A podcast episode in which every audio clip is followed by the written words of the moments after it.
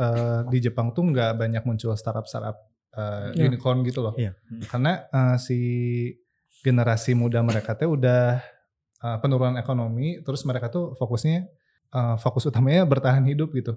Hmm. Karena istilahnya eh, sangat mahal biaya hidupnya, terus juga Jepang itu walaupun ekonominya lagi turun tuh ya tet- masih tetap negara maju gitu. Eh, mungkin semundur-mundurnya Jepang belum sampai itu semaju-majunya Indonesia Iya. gitu kan.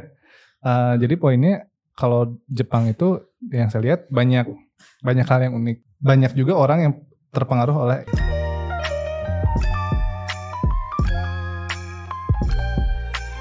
Ta ta ta ta ta ya. Tan ta ta ta ta ta ta. Oh, ayo ayo ayo. Yo.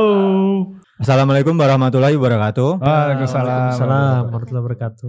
Eh, selamat datang di podcast Yubi Ya. bersama orang baru yakni saya Andi dan Naufal. Eh, seperti biasa Rifki. Adilah yang jarang-jarang muncul. eh, sebelum kita ke topik bahasan, jadi aku mau tanya teman-teman, pendapat kalian tentang Jepang tuh gimana sih? Kalau secara umum orang memandang Jepang tuh gimana? Ya dari Adilah. Pada eh judging apa gimana? Eh, ya, terserah. Em, ini sih pinter-pinter lah. Pinter-pinter. Iya, Oke. pinter-pinter. Kayak teknologi banget. Enggak. Kang Rifki. Jadi menurut saya orang Jepang itu, jadi menurut saya orang Jepang itu, ya Jepang itu kalau menurut saya, eh, ya salah satu negara maju lah ya. Hmm. Eh, beberapa tahun terakhir, apalagi kayak brand-brand Jepang tuh banyak banget berseliweran di sekitar kita gitu, Hmm. kayak mobil, motor, Hmm. eh, laptop, Hmm. terus elektronik, Hmm. mesin cuci dan lain-lain tuh banyaknya Jepang. Eh, selain Jepang ya biasanya KW-nya Jepang gitu. Gitu sih. Enggak Bang Nova. Ya Jepang terkenal makanannya apa? Sushi lah sushi. Itu aja sih. Kalian tahu gak sih kalau sebenarnya ekonomi Jepang tuh sebenarnya tuh nggak baik-baik aja. Jadi kalau ekonomi Jepang tuh sebenarnya tuh dari tahun ke tahun sebenarnya tuh dia menurun, tapi secara perlahan tapi terus menurun. Tahu nggak sih kalian? Tahu. Eh, Jadi pernah dengar tidak beritanya? mengira sih, tidak mengira. Kelihatannya sih mapan gitu, mapan-mapan. Iya Hmm. mapan-mapan aja terus nggak pernah ada berita-berita yang gimana gitu. Kalau Indonesia kan banjir apa. Yang Jepang tuh Kayak banget. kesannya cool, maju gitu.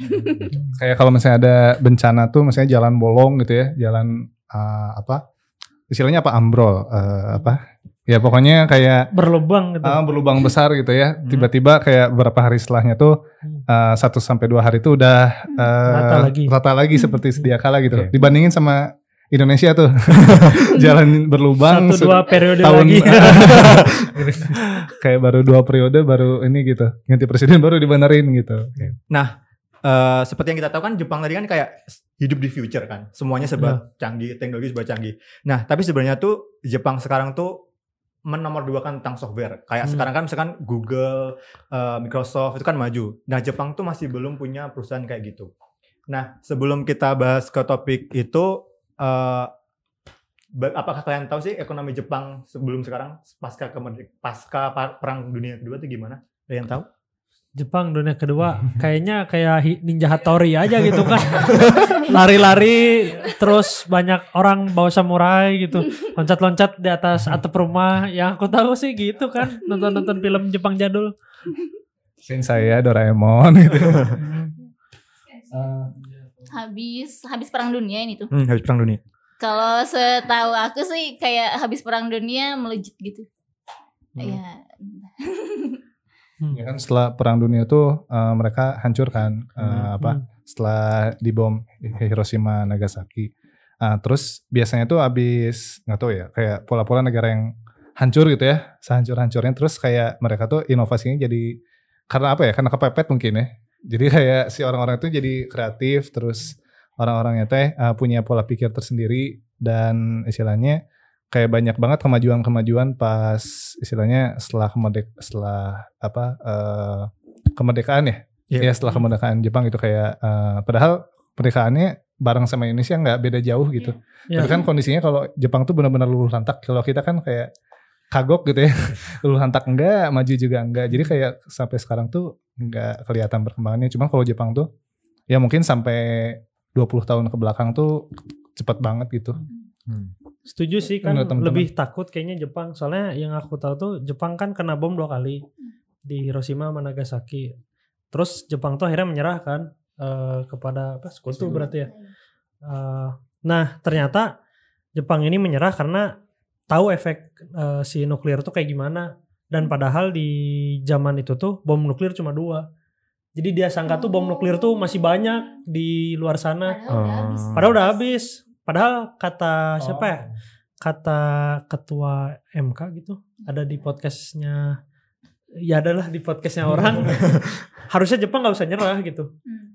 karena bom nuklir tuh ternyata cuma dua dia ngelawan juga masih bisa. Nah itu sih. Cuman karena dampak itu akhirnya Jepang ngerasa wah kita bahaya nih kalau gini terus.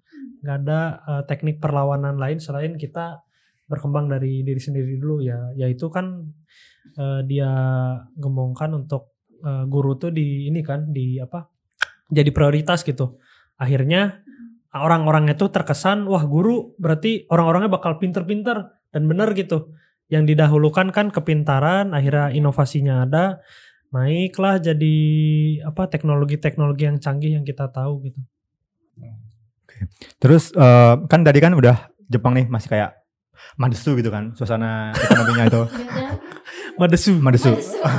Ah, jadi eh tahu nggak sih kapan sih Jepang tuh ekonominya mulai naik booming boomingnya gitu? ya setelah di Indonesia mungkin ada Yamaha dan eh, ya barang-barang ekspornya masuk ke kita Hmm. terus eh ereking tuh apa ya kan Yamaha ya, nah Yamaha. pas ada ereking orang-orang di jalan banyak gaya harus ranking sih. Sekian banyak. Ereking itu Jepang. ah Ereking ereking Jepang. kan Yamaha kan Oh, baru tahu. emang ereking merek apa Yamaha. ini orang Bogor gitu Samsung.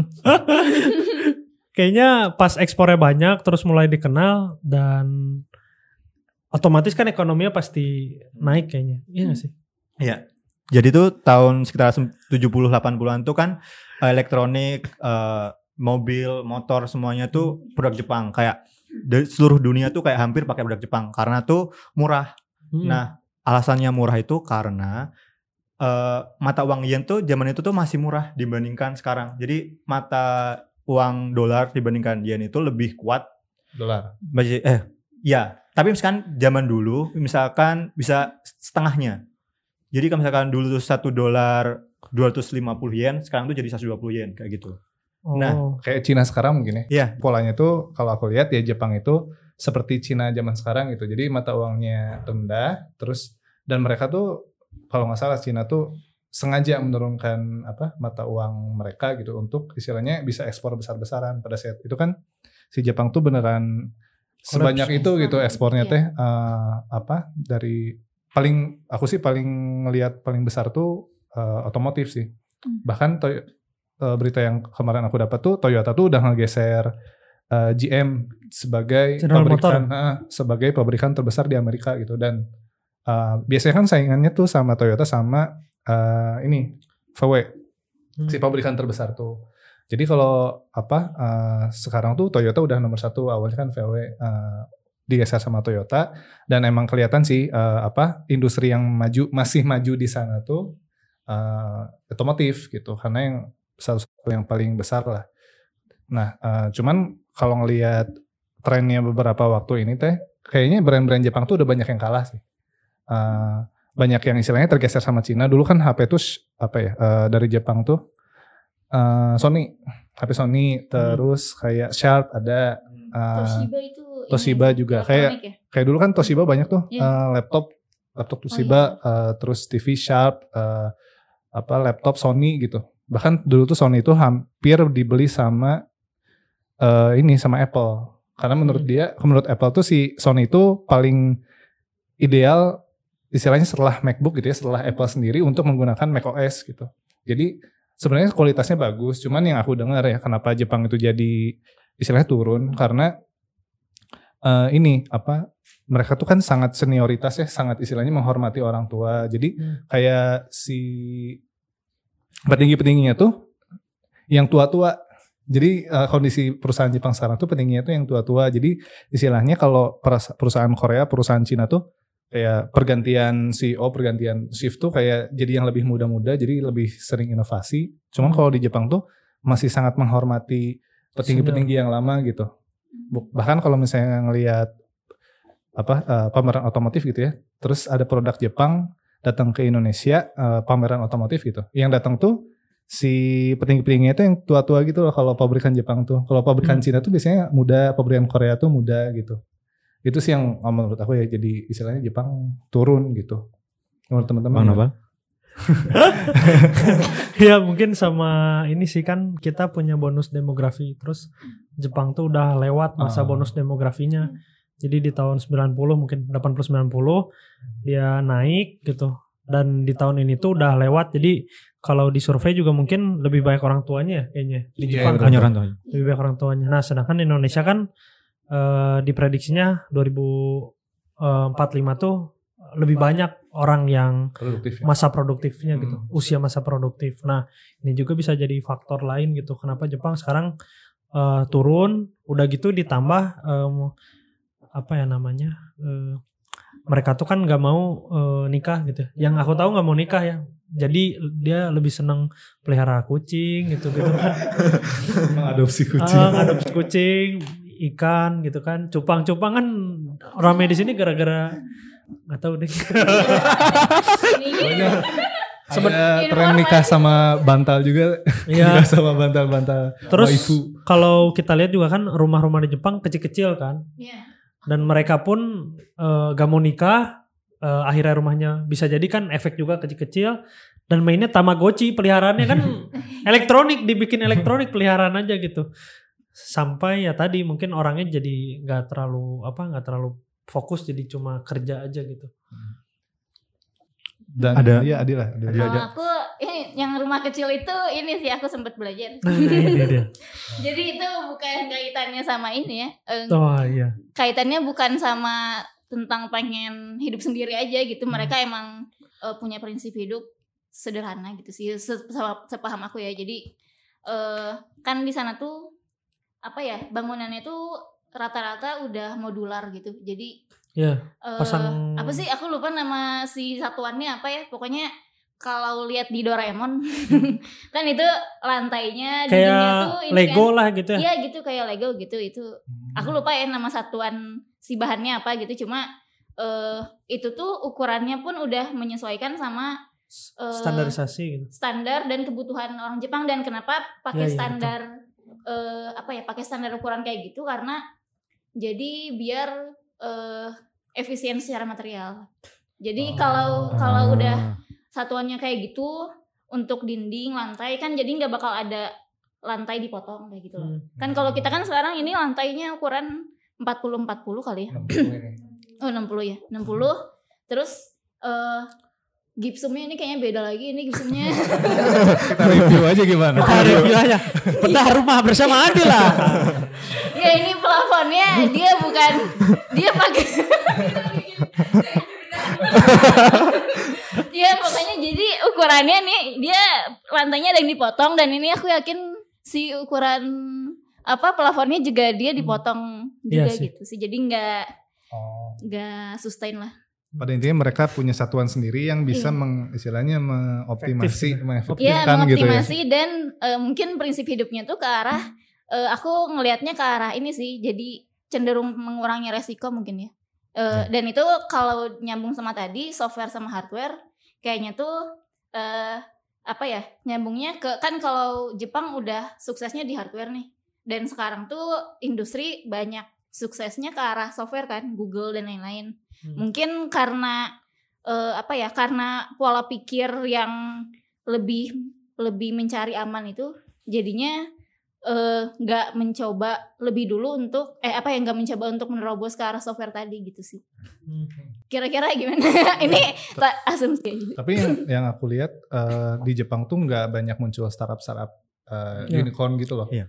karena eh, si generasi muda mereka tuh udah istilahnya eh, penurunan ekonomi terus mereka tuh fokusnya eh, kerja Terdoktrin. gitu Oh, kerja terdoktrin, karena eh, fokus utamanya bertahan hidup gitu Hmm. karena istilahnya eh, sangat mahal biaya hidupnya terus juga istilahnya mau bikin apa bikin so- apa startup gitu ya startup tuh sangat mahal kalau untuk di Jepang tuh jadi istilahnya eh, Iya, yang iya. apa yang dan tadi ya eh, pertumbuhan penduduknya melambat jadi kayak traffic tuh nggak terlalu tinggi mungkinnya di sana gitu. Jadi untuk membuat eh, software atau misalnya eh, startup yang bagus gitu. Hmm. cuman pernah dengar sih dari eh, teman jadi Jepang tuh nggak banyak. Kalau Cina kan Cina Korea tuh udah banyak lah apalagi banyak, Cina ya. nah. Cina tuh emang mainnya benar-benar fokus gitu.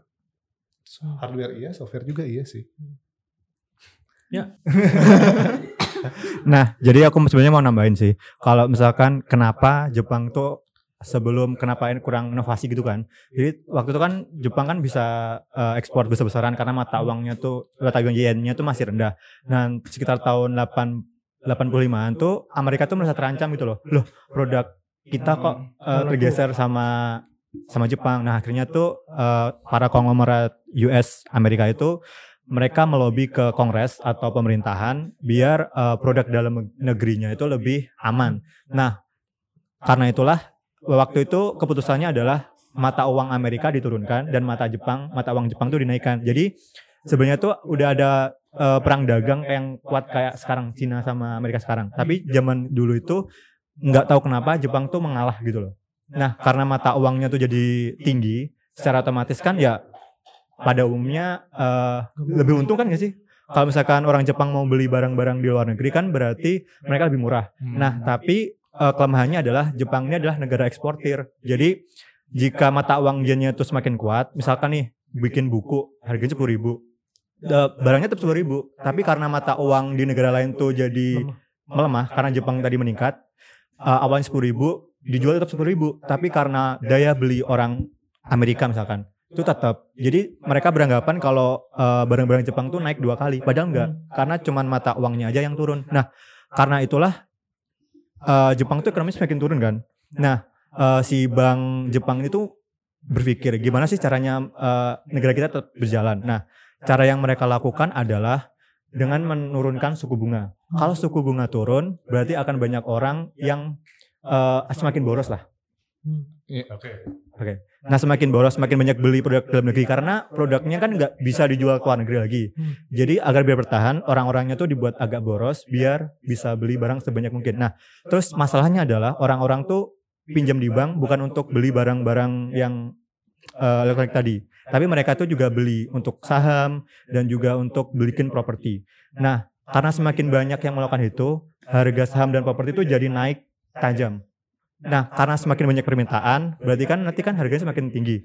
Nah, suatu ketika pemerintah Jepang itu menaikkan suku bunga, panik dong, ya kan? jualin ya Ah, si saham sama propertinya dijualin. Jadi tuh harganya semakin turun, turun, turun, turun kan. Nah, jadi tuh mereka eh, nggak bisa bayar hutang, jadi akhirnya bangkrut. Nah, karena dalam waktu tiga tahun itu mereka tuh bangkrut sebangkrutnya, yang bahkan perusahaan gede itu banyak yang bangkrut kan. Karena itulah eh, masyarakat Jepang sekarang tuh jadi takut untuk investasi, untuk boros. Mereka tuh sangat hemat-hemat. Jadi eh, perputaran uang di negaranya tuh nggak berkembang terus gitu loh. Jadi tetap stagnan gitu.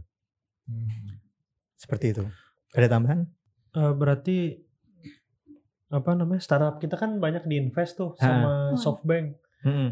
Eh, asal negaranya Jepang itu kenapa mereka berani gitu ngainin startup ke luar negeri sih sebenarnya maksudnya kan padahal dia punya dana yang cukup besar untuk ngembangin startup dalam negerinya sendiri kan Tapi lebih milih untuk invest yang di ah luar di negeri luar gitu. sana gitu? Hmm, mungkin karena itu ya apa kalau di Cina tuh kan tenaga kerja murah ya Hmm. karena sistem mereka tuh eh Hmm, iya. atau masih komunis nggak eh, sekarang maksudnya Cina masih kan Cina masih. jadi istilahnya eh, mereka tuh produksi rumahannya eh, produksi smart band gitu smartwatch produksi di rumah gitu. Dan karena tenaga kerjanya murah Cina dan eh, apa Korea gitu Hmm. tuh kayak banyak yang berkembang dan invest ke kita gitu. Kalau misalnya Jepang kalau aku lihat karena tenaga kerjanya mahal terus juga eh, orang hemat-hemat di sana eh, jadi kayak kayaknya lebih lebih enak invest keluar deh ke Indonesia gitu yang istilahnya masih berkembang trafficnya ma- masih berpotensi gitu tahu sih teman-teman gimana ya Eh karena gini sih, kalau tambahan sih kayaknya kalau aku lihat-lihat tuh karena kan kan tadi kan takut kan. Jadi kayak senioritas juga. Mereka tuh kayak inovasi eh, kreativitasnya tuh masih kurang gitu loh. Eh, bukan kurang. Karena anak Mandek. muda mandek karena eh, masih dikekang sama orang tuanya gitu. Jadi lebih baik eh Menurut invest di luar karena memang budaya Jepangnya masih kayak takut ber- berubah gitu loh. Eh, Gojek itu eh, Gojek itu kapan sih anunya bunyi diklatnya tahun berapa sih kita? Kayak dua tahun lalu sih? Dua tahun lalu kan? Atau mungkin bisa komen di bawah. Ada yang di bawah. Saya kalau Nah. ditanya gitu bingung. Soalnya Jepang itu kan sebenarnya kan banyak perusahaan gede-gede gitu kan. Nah, sebenarnya kan perusahaan pertama unicorn yang untuk startup tentang teknologi itu tahun 2018. Jadi kayak sejenis Maksudnya dia kan sudah jaya dari tahun-tahun tahun yang lalu kan. Hmm. Tapi mereka tuh masih satu punya satu perusahaan yang bisa unicorn Hmm. di tahun 2018 itu kan kayak mereka telat banget gitu loh. Nah, kalau misalkan eh, teman-teman lihat di YouTube atau di sumber media yang lain, mereka tuh tadi yang awal masih fokus pada hardware, yang masih me- meremehkan software, jadinya tuh anak mudanya tuh merasa kayak, duh ngapain aku kerja di software kalau masih kurang dihargain gitu loh. Jadi Prospeknya Kayak- jadi kurang bagus gitu ya. ah, kayak kenapa kamu kerja startup PNS aja gitu kan masih melihat apa hardware lebih bagus gitu ya Heeh. terpandang gitu lah Oh, di yes. masyarakat Ya walaupun sekarang mereka udah mulai eh, sadar sih, tapi sadarnya kan kayak mulai telat gitu kan. Hmm. Ya kayak gitu sih sebenarnya. Hmm, Ya, mungkin bisa bangkit lagi ke depannya kayak kayak Iya, mereka punya apa intelektual yang jauh di atas gitu ya. Tapi mungkin ko- kondisi ekonominya aja yang lagi apa mandek gitu. Ya kalau kaitannya sih tadi ya kayak kayak apa eh, mandek ekonomi karena banyak yang nggak mau investasi, nggak mau ngeluarin duit gitu. Bisa jadi sih. atau gara-gara budayanya terlalu kuat gitu Nah. maksudnya kan kalau teknologi masuk tuh cenderung budaya yang ada di tempat itu tuh kegeser gitu kan Hmm. terus kalau teknologi masuk kan persepsi setiap orang yang ada di sana jadi hampir sama sama orang-orang yang nikmatin teknologi itu gitu. Ujung-ujungnya tuh kayak apa? Kita tuh namanya tuh apa? Global citizen. Udah satu KTP tuh maksudnya uh, single ID ke akhirnya pikirannya sama. Kalau lihat konten TikTok ngobrol sama orang luar juga pasti sama gitu. Apakah Jepang tuh sengaja gitu memproteksi identitas negaranya? Karena kan apa dari sisi tourism gitu. Kan gede kan Jepang. Akhirnya dia ngejaga banget kulturnya gitu. Sampai berakar terlalu nancep ke ke negaranya tuh kuat banget gitu. Mas, maksudnya sekarang masih ada kaisar juga kan masih ada gitu. Hmm. secara simbolis negaranya. Terus eh, budaya kerja itu kan ngikutin seluruh budaya yang ada gitu. Dan sedangkan kalau di Indonesia kan budaya kebanyakan. Akhirnya kalau kerjanya startup ya budaya Jakarta gitu nggak tahu sih ini ada ini nggak Kalau aku ngelihatnya bisa jadi itu tuh bentuk proteksi untuk apa ya seni-seni yang Jepang tuh emang unggul di situ juga. Misal Hmm. oh, origami. Origami itu kan itu eh, kita tahu itu Jepang gitulah ya. Dan bisa jadi eh, mungkin itu yang mereka jaga salah satunya mungkin origami dan eh, budaya-budaya lainnya yang kalau dibiarin yang gak diproteksi tadi tuh malah bisa Hilang. hilang gitu padahal itu asetnya gitu sih. Dan kalau yang origami itu tuh itu aku nyambung ke arsitektur ya. Jadi kalau di kalau di kalau di arsitektur tuh kalau Jepang identiknya tuh ini apa arsitektur-arsitektur yang kayu yang apa sih namanya tuh craftsmanship Eh, kotak gimana ya? Bukan kotak, bukan kotak. Eh, lebih ke Modular. modular bener, modular terus eh segitiga kotak itu tuh apa sih? X bullet itu itu kode jogresnya GTA itu keluarin pesawat terbang.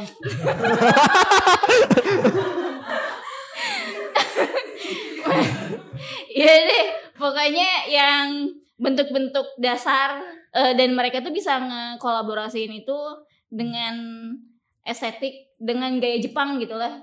Gaya Jepang tuh ya itu kesannya tuh ya yang aku lupa istilahnya apa ya.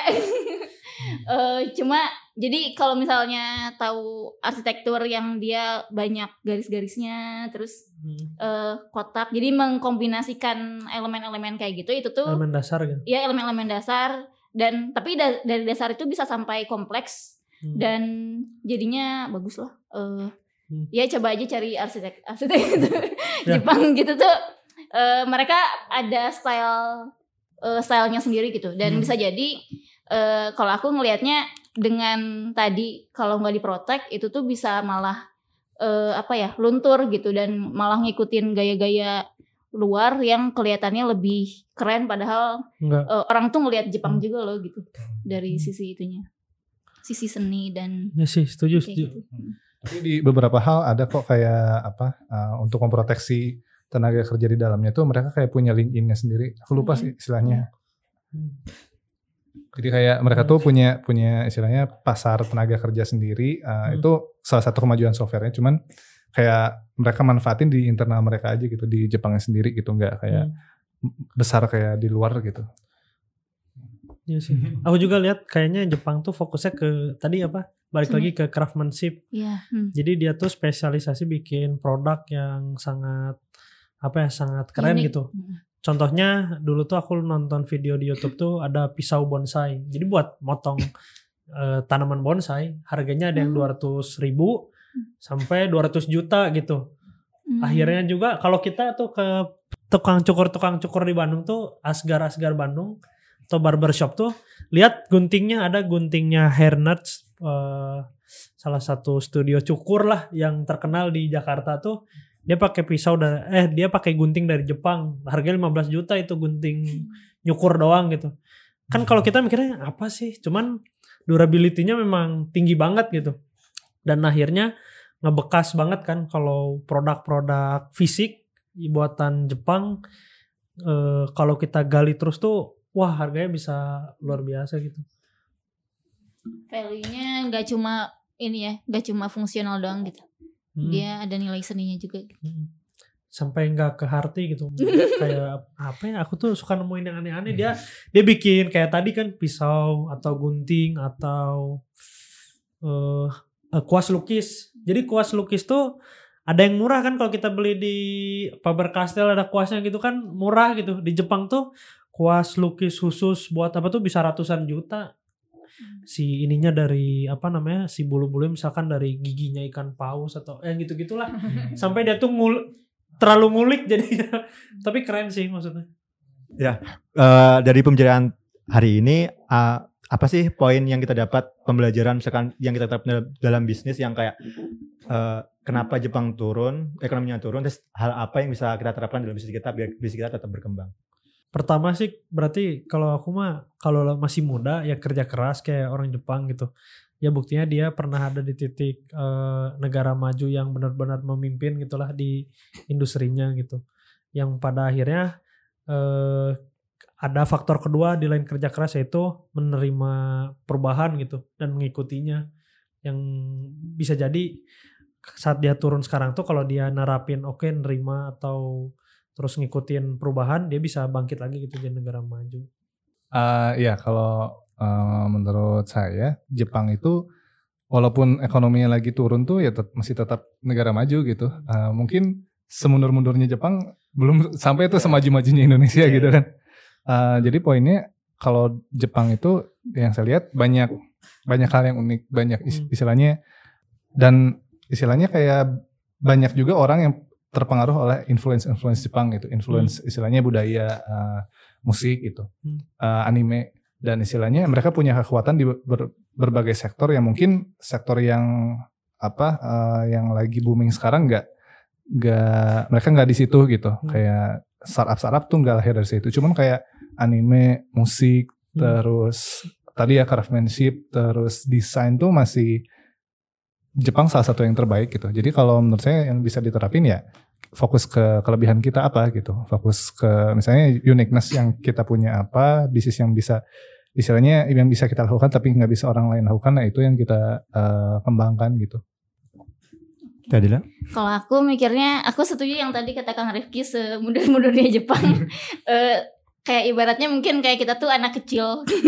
Dan lagi mempelajari orang dewasa ini lagi turun nih kayaknya gitu kan. Eh, apa yang bisa dipelajari padahal bisa jadi sebenarnya pilihan orang dewasa itu belum tentu salah juga. Jadi kayak Hmm. eh, keli- sekarang kelihatan mundur padahal bisa jadi dia mikirnya lebih jauh lagi gitu. Dia mikir untuk eh, apa ya? pilihan itu dia sengaja gitu milih itu untuk eh, siapa tahu ke depannya malah melejit gitu kan cuma kalau aku nangkepnya yang bisa diambil tuh ini sih kayak eh kalau di konteks bis- bisnis jadi kayak ada saatnya kita mikirin lebih banyak tentang resiko. Kayak eh ibarat untuk apa ya untuk punya duit yang sama tuh kita bisa punya pilihan untuk ambil resiko lebih banyak dan eh, atau Oh iya. dengan berhemat gitu kan. Itu hasilnya sama. Cuma mungkin eh ya itu pinter-pinter tahu kapan saatnya ambil resiko dan enggak gitu. Kayak ibarat kalau orang main tenis dia kan sebenarnya bisa menang dengan eh, nggak banyak salah. Jadi eh, nggak banyak error-error di sendiri diri di diri sendiri sama nyerang. dengan ya dengan ah udahlah bodo amat yang penting smash yang penting eh, masuk ke lawan gitu. Tapi tahu-tahu jebol di di error sendiri gitu kan. Eh, mungkin Jepang punya tendensi ke arah eh apa ya mengurangi error di diri sendirinya itu. Cuma ya itu tadi kayak eh, sadar kapan perlu fokus ke situ sadar kapan juga eh, perlu mempertimbangkan resiko-resiko yang eh, kalau nggak diambil ternyata kita malah lebih mundur nih gitu gitu Hmm. sih Eh, kalau menurut teman-teman sendiri gimana? Wah, nantangin gua lu. Ah, atau teman-teman ada yang punya komentar silakan eh, Atau mungkin teman-teman ada pendapat atau komentar, tolong tulis di komen ya. Kalau gitu sampai jumpa di episode berikutnya. Assalamualaikum warahmatullahi wabarakatuh. Waalaikumsalam warahmatullahi wabarakatuh.